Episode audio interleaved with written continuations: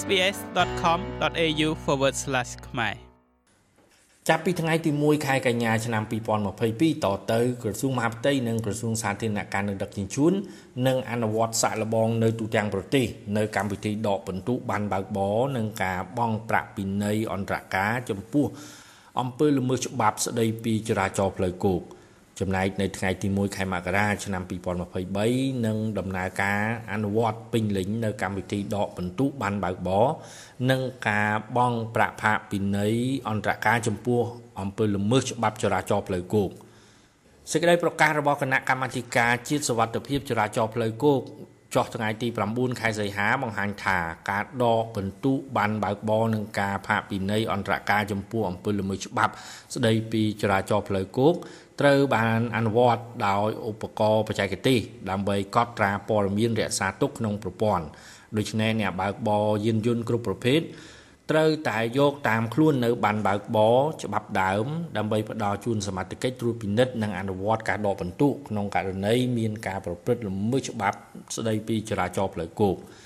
សេចក្តីប្រកាសលើកឡើងថាការបង់ប្រាក់ផាកពិន័យអន្តរការចំពោះបទល្មើសច្បាប់ចរាចរណ៍ផ្លូវគោកនៅក្នុងប្រទេសកម្ពុជាគឺអាចបង់ប្រាក់នៅតាមបញ្ចូល True Money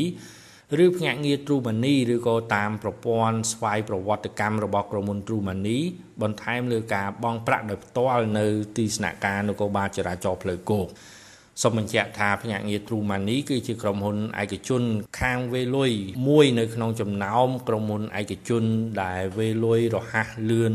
ទាន់ចិត្តជាច្រើនផ្សេងទៀតនៅក្នុងប្រទេសកម្ពុជា គណៈកម្មាធិការជាតិសវត្ថិភាពចរាចរណ៍ផ្លូវគោកក៏បានប្រកាសដែរថាការដាក់ដំណើរការនៅកម្មវិធីដកពិន្ទុបានបើកបរនឹងការបង់ប្រាក់ផាកពិន័យអន្តរកាលចំពោះអំពើល្មើសច្បាប់ចរាចរណ៍ដោយប្រើឧបករណ៍បច្ចេកទេសនេះគឺធ្វើឡើងក្នុងគោលបំណងបង្កើនប្រសិទ្ធភាពនៃការរឹតបន្តឹងនៅច្បាប់ចរាចរណ៍ផ្លូវគោក សម្ដៅកាត់បន្ថយគ្រោះថ្នាក់ចរាចរណ៍ផ្លូវគោកនៅក្នុងប្រទេសកម្ពុជាឲ្យបានជាអតិបរមាក៏ដូចជាបង្កលក្ខណៈងាយស្រួលជូនប្រជាពលរដ្ឋក្នុងការបង់ប្រាក់ផាកពិន័យអំពើល្មើសច្បាប់ចរាចរណ៍ផ្លូវគោកនិងធានាលំដាភាពក្នុងការពិន័យអន្តរកាលចំពោះអំពើល្មើសនិងច្បាប់ចរាចរណ៍ផ្លូវគោកសូមបញ្ជាក់ថា គ្រោះថ្នាក់ចរាចរណ៍ផ្លូវគោកនៅក្នុងប្រទេសកម្ពុជាគឺកើតឡើងជារៀងរាល់ថ្ងៃហើយជាមធ្យម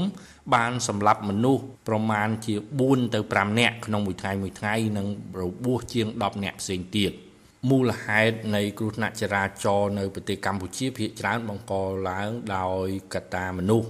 ពោលគឺការបើកបរលឿនការវ៉ាជែងក្នុងស្ថានភាពគ្រោះថ្នាក់និងបើកបរក្នុងស្ថានភាពស្រវឹងជាដើម ខ្ញុំម៉េងផល្លា SBS ខ្មែររាយការណ៍ពីរាជធានីភ្នំពេញ